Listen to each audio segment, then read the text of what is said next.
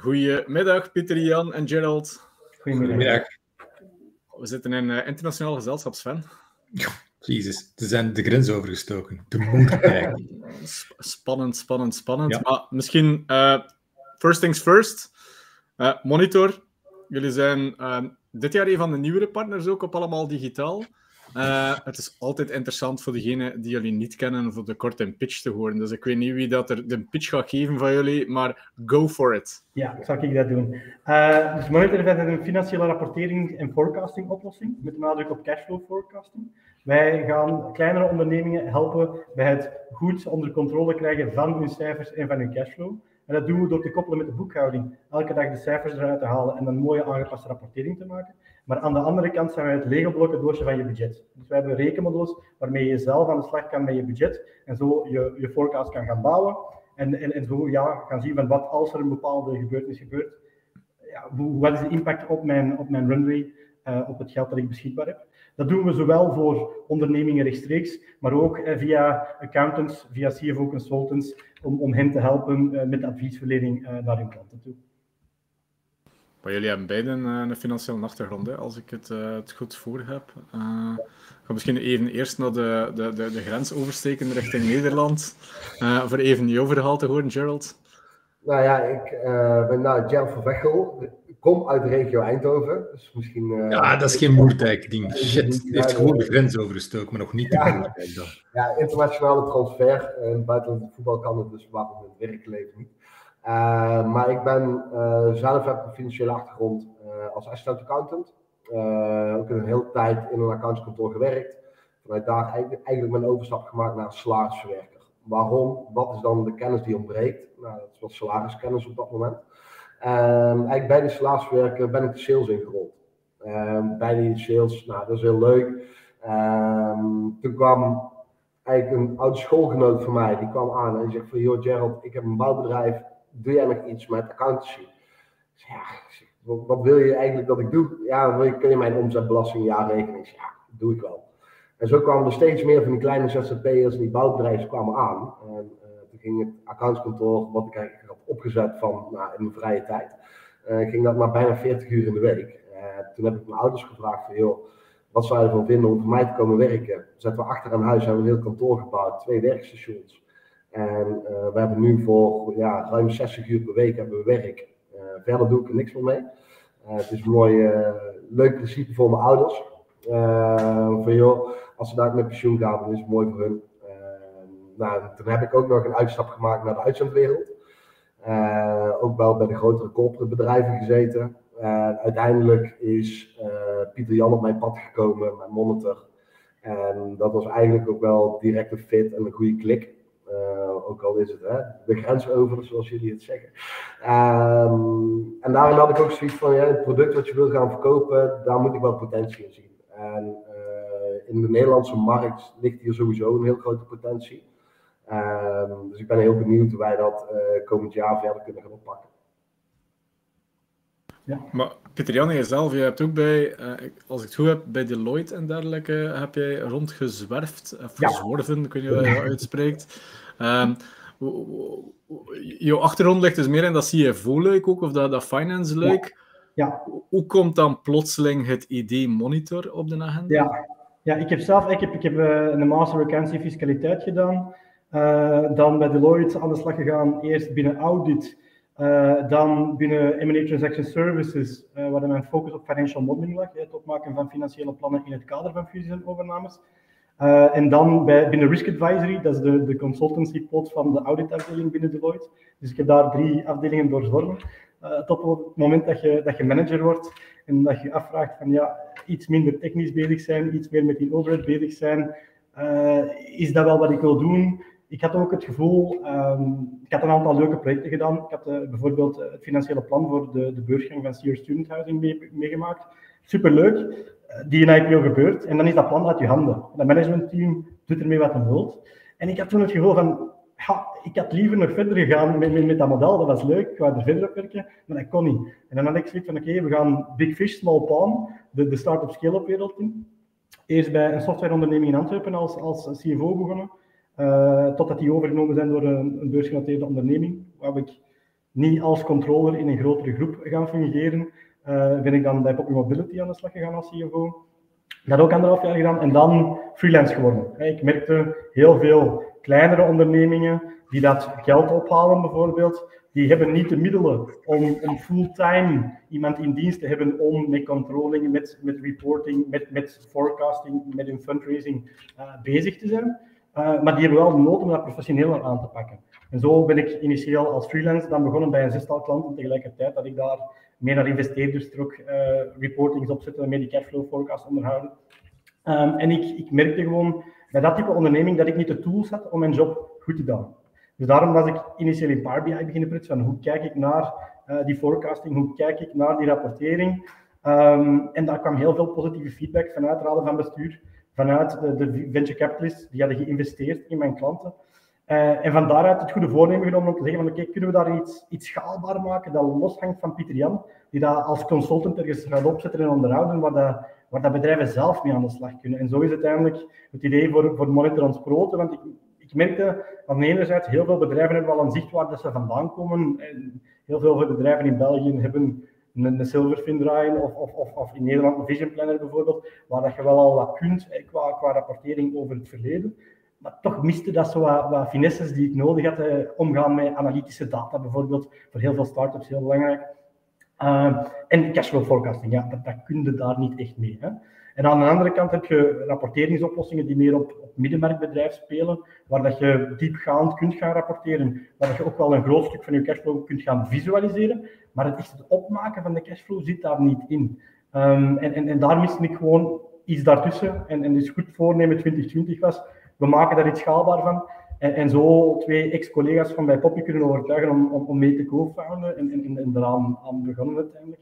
Initieel was het idee van we gaan heel hard inzetten op uh, ja, die indirecte verkoop op de accountancy-markt. We hadden Moore en, en, en, en VNB, dat waren toen nog twee afzonderlijke bedrijven, mee als, als, uh, als beta-tester uh, in april 2020 om, om, om mee de schouders eronder te zetten en, en het product vanaf zo vroeg mogelijk mee te beoordelen. En daar toch gemerkt van ja, die stappen naar de accountancy sector, ja, je moet toch al een heel degelijk product hebben voordat je ze echt gaat kunnen overtuigen. Uh, waardoor dat we initieel dan um, eind 2020, begin 2021, eerst wel hebben volop gefocust op um, de markt rechtstreeks. Hè, bedrijven rechtstreeks targeten, ons product zo verbeteren, voordat we nog eens uh, daarna dan terug de accountancy-markt betreden hebben. Dus dat is een beetje het verhaal. ja. Maar dat is dus altijd, je bent daar niet de enigste in uh, die dat zegt van ja, dat een accountancy-markt niet altijd even makkelijk is. Uh, maar als het goed begrijp, je dus nu zowel ondernemers als accountants. Vanwaar toch die split approach? Waarom niet die accountancy gewoon links laten liggen en gewoon rechtstreeks naar die ondernemers gaan? Uh, omdat, ja, om, om ons model, en we willen, we willen reporting en cashflow forecasting zo, zo goedkoop mogelijk maken, hebben we natuurlijk ook een bepaald volume nodig. En als wij elke verkoop individueel gaan moeten doen, dan gaan wij onze verkoopprijs niet kunnen justifiëren. Uh, door uh, via accountants te trekken, ja, die, die kennen de noden van hun klanten, zij weten de omvang van hun klanten en, en, en, en kunnen heel goed inschatten welke toolsets ze eigenlijk nodig hebben. Uh, ja, kunnen wij veel goedkoper op de markt trekken, omdat, omdat ja, we één de verkoopkost niet hebben en twee een stuk van, van het, het klantencontact door die accountant kan gebeuren. Dus, dus dat, is gewoon om meer volume te kunnen krijgen, uh, is die accountant daar een ideale, ideale partner in. Hij kan of zij kan uh, hun adviesverlening beter organiseren en, en, wij kunnen onze sales en customer succes kleiner houden. Kostenbaten, het zou, het zou zomaar een ding kunnen zijn. ja. Maar heb, heb, je de indruk dat het wordt opgepikt? jullie zitten in, in een groeiverhaal, dat is duidelijk, maar die accountants, is het een beetje wat je ervan verwacht of blijf je toch een stiekem op je honger zitten? Um, wij hebben... Dat duurt te lang, dat duurt te lang. Dat, dat is ook weer, het is kloten geformuleerd, ik weet het, ik weet het, het is sterker dan mezelf. Mijn onze, onze, nadruk, onze nadruk heeft altijd uh, gelegen op uh, accountants die zich als digitaal profileren of meer de middelgrote accountants waar het er een grotere uh, adviesverleningspoot al is. En dus wij hebben nooit gezegd, we gaan alle accountants targeten. omdat ehm, heel veel accountants gewoon nog niet bezig zijn met die problematiek. Ik merk heel veel um, klanten hebben wel de vraag van oké, er is heel veel druk op mijn cashflow en dat is de afgelopen maand, uh, jaren verergerd. Um, maar heel veel accountants zijn aan het verdrinken in het werk en, en, en, en zien ja, niet de mogelijkheden om zich met die adviesverlening bezig te gaan houden. Daardoor. Dus we weten, we zouden voor heel veel kleinere accountants ook een, goede oplossing kunnen zijn. Maar heel veel uh, van die mensen hebben niet de tijd om zich daar echt strategisch mee bezig te houden, uh, waardoor we die momenteel um, ook nog niet proactief benaderen. Daarnaast hebben we wel uh, de middelgrote accountants die zich meer als digitaal profileren, waar dat we wel een goede relatie mee hebben en waar dat we werken um, dat we wel mee worden opgenomen in het aanbod. Hè. Dus bijvoorbeeld een kantoor als een Deloitte of een kantoor als een Moore, als er, als er klanten hen benaderen met de, de use case binnen onze, uh, binnen onze ICP, binnen onze Ideal Customer Profile, um, nemen ze ons ook mee naar de tafel voor te zeggen van hey, dit is iets wat wij kunnen aanbieden. En, en dat, dat werkt wel. Um, wat ik wel merk is dat, um, daarom hebben we Gerald even aangenomen, dat de, de, de onboardings in Nederland momenteel sneller lukken dan in België, jammer genoeg. Um, een stuk omdat de digitalisering verder is doorgedreven. Uh, is dat? Wat de meeste klanten, dus ik wil niet, wat, wat, ik merk, heel veel kleinere accountants in België zitten nog op bijvoorbeeld een expert op een Brilliant. Um, en ja, wij koppelen daar niet mee momenteel. Um, en in Nederland, 90% van de accountants die ik spreek, zitten op een Twinfields of een, uh, of een Exact Online, uh, waardoor dat gewoon al makkelijker koppelt. Um, en ik merk dat de schaal, de grootte van de accountants die wij spreken in Nederland ook, ook hoger, dat die, dat die gewoon meer klanten hebben, um, waardoor dat die ook vaak bijvoorbeeld een innovation manager hebben, iemand die specifiek fulltime bezig is met welke toolset zetten wij in. Hè. Uh, en, en, en dat werkt vlotter, omdat je dan het, het um, onboardingproces Um, ja, je hebt echt een, een, sparringspersoon die, die mee in die journey neemt. Uh, waar dat we in, in, in België eerder met een managing partner zitten spreken die heel veel chargeable werk nog heeft. Uh, en waardoor dat de, de, intensiteit van de gesprekken zo is, meer is van één keer per maand in plaats van één keer per week spreken. Hè. Maar uh, we merken wel dat we opgepikt worden bij verschillende Belgische accountants. En dat we dit jaar ook wel de ambitie hebben om, om die, het aantal klanten dat we bij die, bij die accountants hebben op te schalen van misschien uh, tien bij een bepaald kantoor naar, naar grotere volumes. Hè.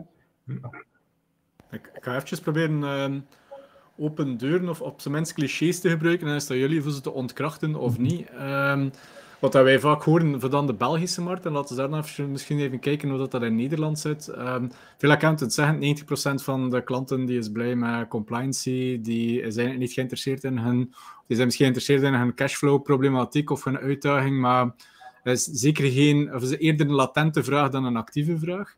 Um, is dat in Nederland dan zoveel anders? Zijn ondernemers daar veel meer met hun accountant in gesprek? Of is dat puur omwille van het product dat jullie hebben, dat jullie eenmaal met die innovation managers in contact komen? Want ergens boeit me dat wel.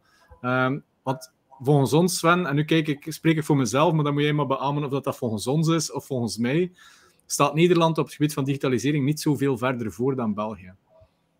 Ja, dat, dat, geldt voor ons beiden, ja. Okay. Nee, ja, nee, het is bij mij geen digitalisering bedoel ik mee uh, het, het, inzetten van cloud accountancy pakketten. Degene die ik spreek, hey, als, zeker als we naar, naar de kleinere gaan zien, is, is bijvoorbeeld een Exact Online veel meer prominent in Nederland ten opzichte van en dan een, een, Brilliant of een Expert M, dat ik bij de kleinere accountancy kantoren in, in België dan toch meer tegenkom. Um, en, is die advies daar, en is die adviesvraag daar, want Gerald, je hebt zelf in een kantoor gewerkt, hè? Is die adviesvraag daar uh, latent, ook latent, zoals in België, of is die daar veel actiever van de ja, ondernemer? Die zijn er wel actiever in. Um, om jullie een voorbeeld te geven, um, heel veel ondernemers die willen heel snel in het begin van het jaar ook een jaarstukken hebben. Die komen een paar maanden later komen ze weer terug met de prognose. Nou, op het moment dat wij een tool kunnen bieden waarin we eigenlijk al die prognose direct mee kunnen geven aan ze voor een half jaar, een jaar of twee jaar verder, dan is die klant daar direct mee geholpen. Maar de accountant in Nederland die gaat ook steeds meer op de adviserende tak zitten.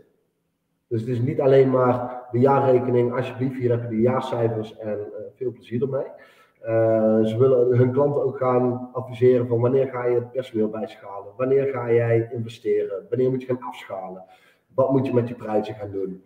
Uh, en met tool die monitor die wij hebben, kunnen we dat juist aan die accountant bieden, waarin hij dat op advising-wise richting zijn klanten kan meenemen. Maar het volume misschien, denk je, het volume van hoeveel klanten heeft nood aan onze oplossing, dat komt grosso modo wel overeen tussen, tussen, tussen België en Nederland. Als ik spreek met een gemiddeld kantoor hier in België, zien we vaak dat, dat, dat 10 tot 20 procent van de klanten in aanmerking komen om Monitor te gebruiken.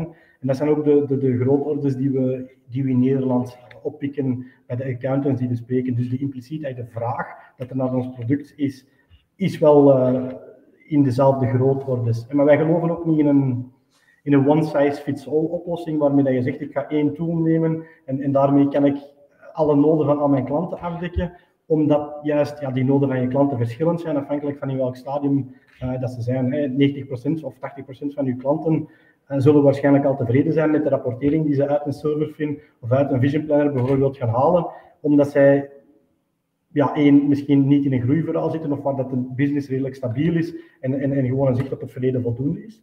Maar dan heb je daarnaast een, een 20% van klanten die, um, die wel ambitieuze groeiplannen misschien hebben en waar een bepaalde cash trigger een, een, grote impact kan hebben op hoeveel geld ze beschikbaar hebben. Uh, en, en dat zijn nu de klanten die dan, die dan op de monitor komen. Maar dat volume in, in, in, in België en, en Nederland van hoeveel klanten dat, bij een accountant zijn, uh, dat komt wel overeen. Hè. Dus daar, daar merk ik geen grote verschillen. Beseffen de klanten die met jullie tool werken, want dat is soms uh, de, de, opmerking die ik krijg. Uh, ik denk dat er heel veel accountants wel voor openstaan voor dat soort tools uh, te omarmen. Inderdaad, of dat is dan technologie, de juiste tools vandaag hebben die koppelen met jullie, laat ik dan even in het midden. maar vaak is het wel zo, een tool zoals een cashflow forecaster, dat werkt maar zo goed als de data die aangeleverd wordt. dat vaak het probleem bij heel veel kantoren vandaag de aanlevering van de ondernemer zelf is. Dus een ondernemer is vragende partij, maar is eigenlijk het struikelblok voor dit soort tools goed te laten werken. Um, hoe gaan jullie daarmee om? Wat, wat, is daar jullie advies wat is daar jullie, jullie, jullie kijk naartoe?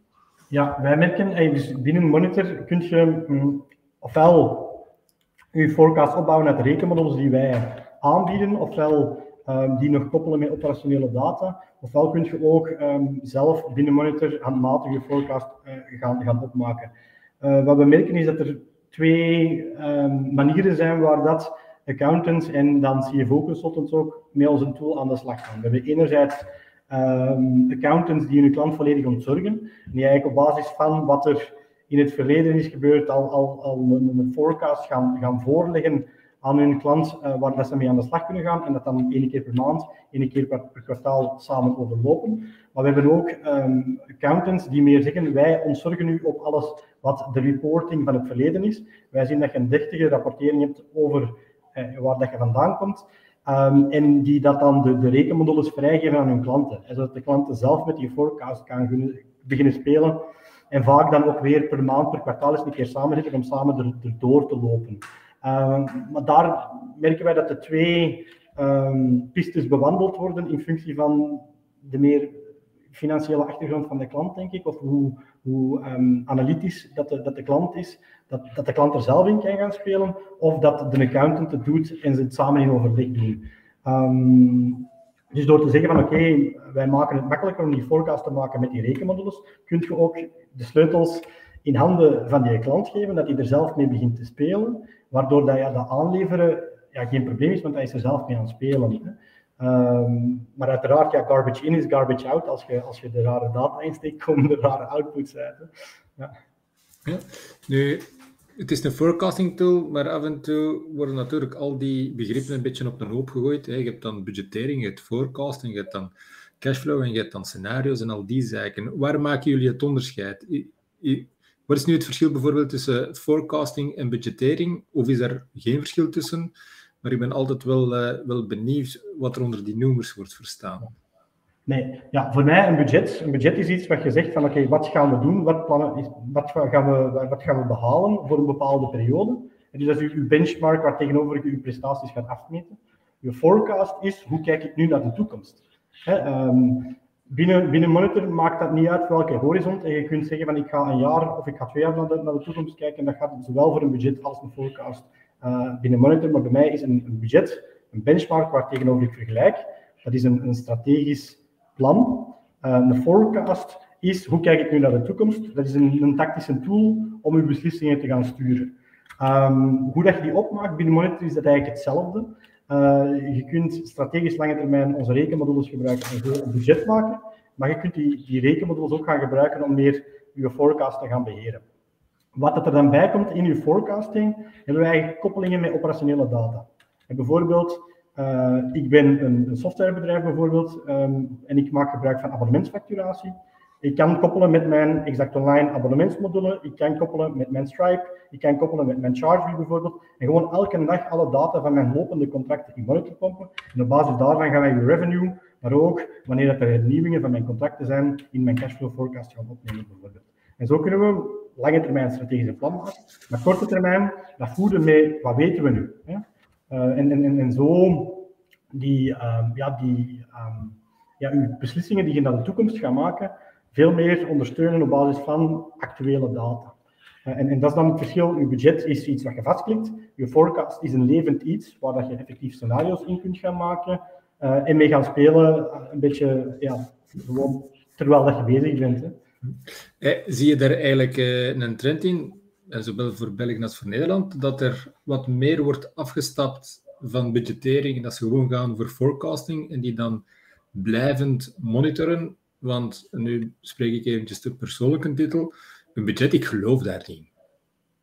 Een budget is volgens mij intellectuele masturbatie. Je steekt ergens een, een vlag in de grond en dan gaan we er alles aan doen om naar die vlag te gaan, ongeacht realiteit zien. En meestal wordt het gemaakt om een bonus te berekenen voor op het einde van het jaar. Maar een forecasting, als daar zo de, de, de romantische attitude is van laat ons gewoon eens een keer doen waar we goed in zijn en zo goed mogelijk, dat lijkt me dan toch weer veel relevanter. En zeker, hè, hoe noemen ze dat nu weer, deze tijd waarin we leven? Er is een heel, een, hele uh, speciale afkorting. Ik ben, al een VOCA, voor een, very volatile world of zoiets. Hey, de dag van vandaag een budget maken, na drie maanden is dat toch achterhaald. Ofwel is er blijkbaar een aardbeving, een oorlog, uh, een pandemie. Ik bedoel, ik weet, we weten echt niet wat het in februari gaat zijn. Dus um, Zie je daar een verschil? Is, is daar een trendswitch of eh, ben ik gewoon te veel vanuit het niveau? Heel veel, heel veel ondernemingen keken vroeger traditioneel naar een budget van een jaar en daar eindigde hun wereld. Hè. We hadden een budget gemaakt, dat was de werkelijkheid en die gelden voor een heel jaar. En dan als we november waren, ja, wisten we nog wat de toekomst ging zijn voor één maand. En dan was er een, een groot zwart gat, het nieuwe jaar dat nog moest bedacht worden. Hè. Um, dat heeft zijn nut omdat je enigszins toch strategisch gaat zeggen van wat gaan we dit jaar doen. Um, en ik denk dat dat het grootste nut van, van, van een budget ook is. Eén, strategische lijnen uitzetten. Wat zijn de keuzes die we gaan maken? En een kader scheppen waarbinnen dat je keuzes gaat maken. Um, dus dat is het nut van een budget. Intellectuele masturbatie, absoluut. Uh, maar, maar dat heeft ook zijn waarde. Uh, omdat als je budget opmaakt, maak je ook assumpties die dat er onderliggend achter zitten. Hoe kijk ik nu naar mijn business en, en er komt ergens geld binnen of er gaat ergens geld buiten, maar dat komt ook ergens vandaan. En, en door je budget goed op te maken, denk je nou, wat zijn nu de drivers van mijn resultaat, wat zijn nu de drivers van mijn cashflow? En, en, ga gewoon al een gedachteproces doorgaan om je business beter te gaan begrijpen en weten aan welke hendel kan ik trekken om een beter resultaat te bekomen. Uh, dus dat is zeker een nut dat een budget heeft. En ook al zeggen van eh, de forecast wordt belangrijker, en dat merken we omdat heel veel bedrijven effectief eh, met van alle situaties geconfronteerd worden die ze niet voorzien hadden, waardoor ze moeten bijsturen. Um, en daar is de forecast dan nuttig voor, van in de, verander, eh, in de veranderde uh, omstandigheden, hoe gaan we daar nu mee om? Um, maar dan zeggen van ja, een budget heeft geen nut gehad, vind ik dan minder waar, omdat je nog altijd, door gewoon je forecast, je actuals en je budget naast elkaar te zetten, kun je, kun heel goed zien van waar we af van wat we vooropgesteld hebben. En dan kun je gaan nadenken van hoe komt dat nu? Hè? Wat zijn de drivers van die verandering? En moet ik daar rekening mee houden als ik, als ik mijn forecast nog op update? Dus daarom gewoon budget actual inzicht bijhouden om op basis van die informatie je forecast bij te gaan stellen, is op zich al een heel goede uh, oefening om te doen. Dus, dus daarom werken wij binnen Monitor effectief met je budget dat vast ligt en dan je forecast waar je mee kunt gaan spelen. Zodat je altijd kunt gaan zien hoe presteren we nu ten opzichte van wat we hebben gesteld. Hebben we een aantal dashboards die ook uh, achterliggend gaan laten zien waar komt dat nu vandaan. En bijvoorbeeld mijn cost of goods sold assumpties. Als ik, uh, als ik een, gewoon een, fysieke verkoop doe, hoeveel is mijn goedskost als een percentage van mijn omzet? Hoeveel had ik gebudgeteerd?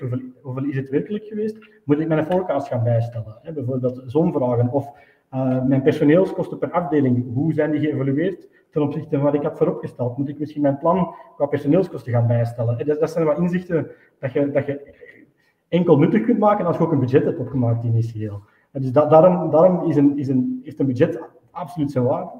Uh, maar een forecast is belangrijker, hè, want als je, als je tegen de muur loopt, ja, het zal worst wezen dat je een budget had, je bent nog altijd tegen de muur gelopen. Hè. Voilà. ja. Dus daarom, nee, ik, ja. ik, kan wel, de, als je het hebt over de drivers en wat zijn nu de moneymakers en wat zijn nu de money drains en al die zaken, daar, daar kan ik wel... Maar eens dat je die weet, maakt een budget in mij mijn aanvoelen toch minder uit. Dan is het vooral die forecasting en kijken hoe dat je daarop kan ingrijpen. Ja. Zonder dat, daar, of dat we nu met 10% of 15% afwijken, maakt op die moment minder uit. Dus effectief van hoe pas ik mij dan aan aan die nieuwe realiteit. En niet van hoe pas ik mij aan aan mijn budget. Nee, absoluut. absoluut. Nee, natuurlijk. Het belangrijkste is van oké, hoe groeien we het snelst als onderneming en hoe zorgen we ervoor dat we nog altijd geld op de rekening hebben. En dus daarvoor is die forecast heel belangrijk. Daarnaast heeft je budget natuurlijk ook een, een, een compliance eh, component. Je, je, je, moet je raad van bestuur informeren over eh, hoe dat je vordert ten opzichte van wat je hem beloofd hebt. Eh, dus, dus dat is natuurlijk daarom met een budget ook, ook nog nodig. Dus daarom kun je het niet zomaar overboord smijten.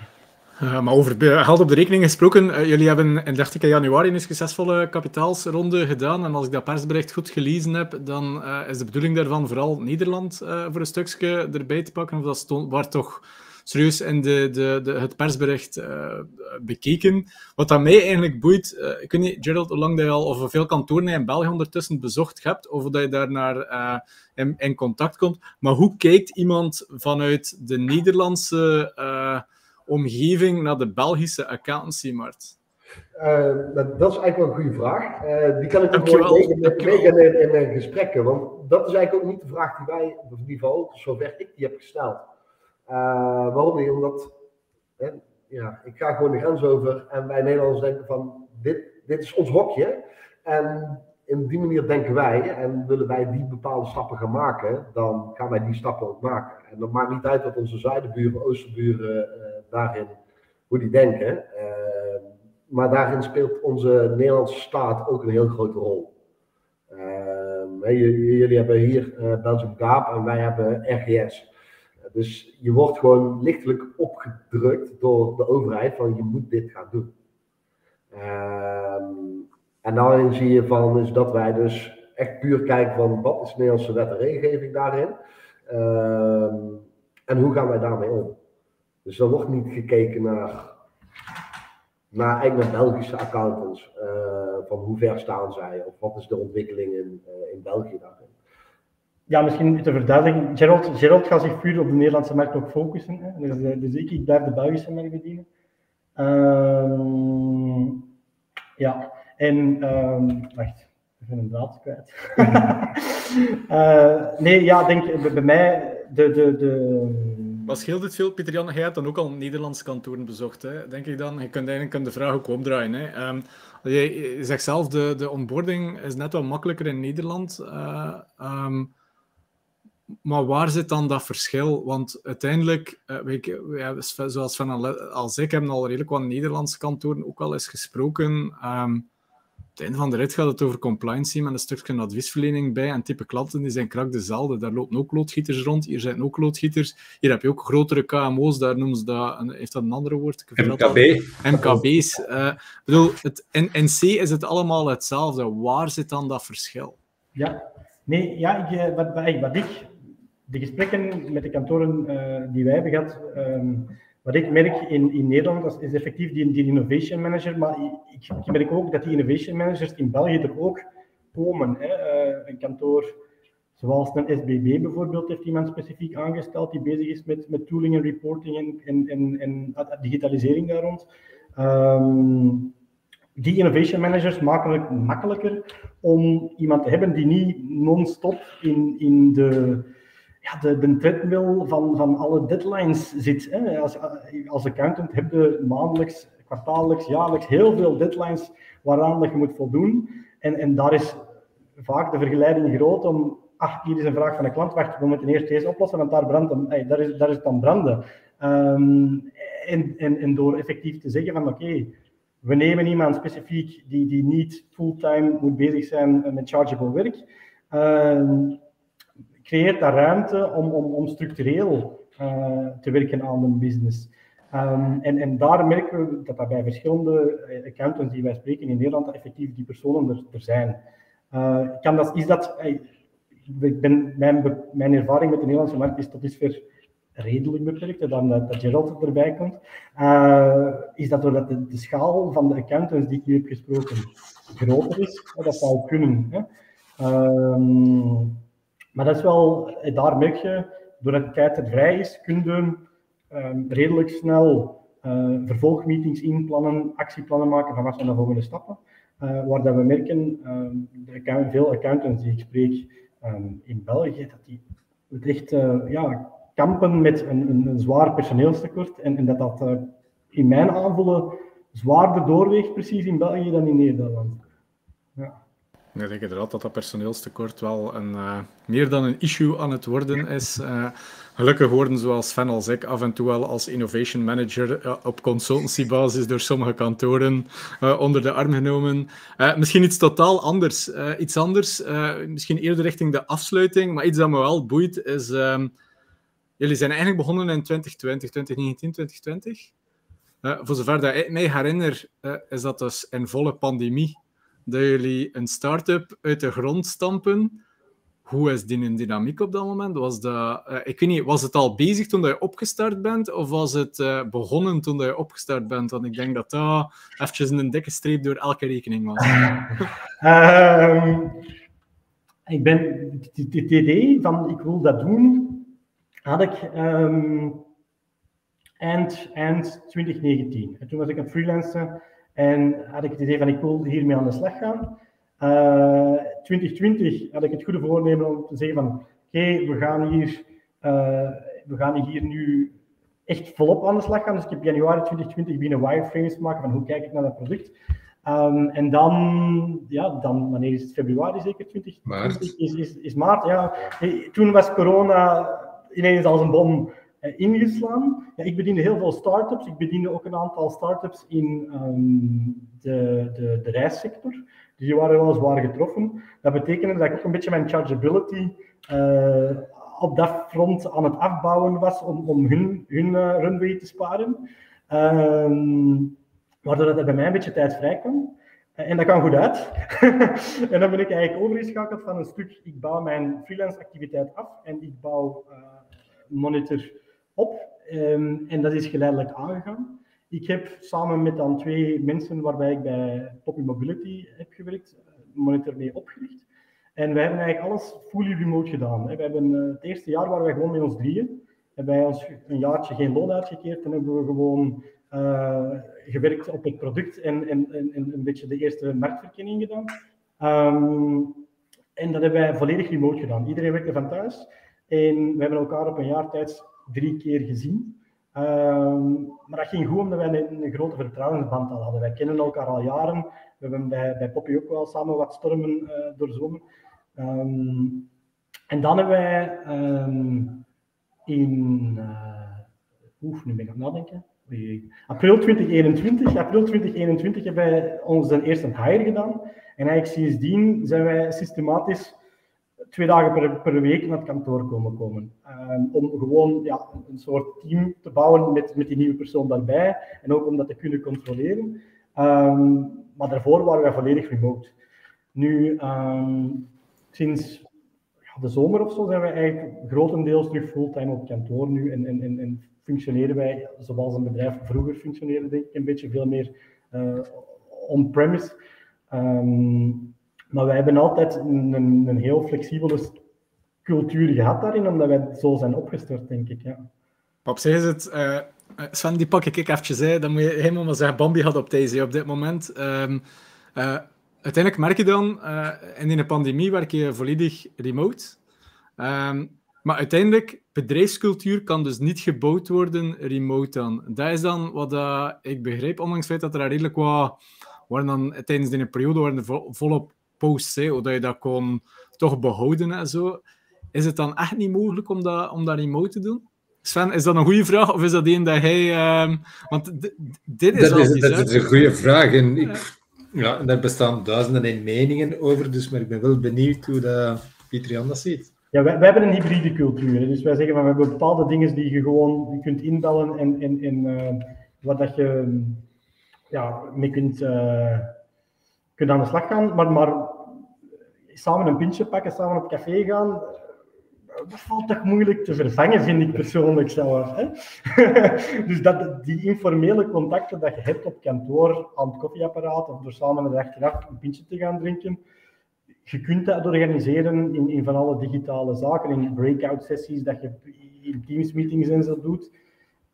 Maar je gaat digitaal toch niet zo snel over de koetjes en de kalfjes beginnen, merk ik zelf. Waardoor, dat, waardoor vanaf dat wij personeel hebben aangenomen, dat wij ook hebben gezegd, we gaan wel een aantal dagen samen op kantoor zitten, om ook een betere band te bouwen met die mensen. Ja. Nee, maar inderdaad, ik denk dat het heel belangrijk is voor af en toe een pintje samen te nemen. laten we dat dan vooral op 28 februari doen, want dan is, uh, zijn jullie er ook bij op, uh, op Allemaal Digitaal. Ik neem aan, degenen die daar nog vragen hebben, of met jullie wat verder contact kunnen doen, dan die jullie kunnen contacteren. Of daar jullie uh, eventjes aan de arm trekken. Hè. Ja, super.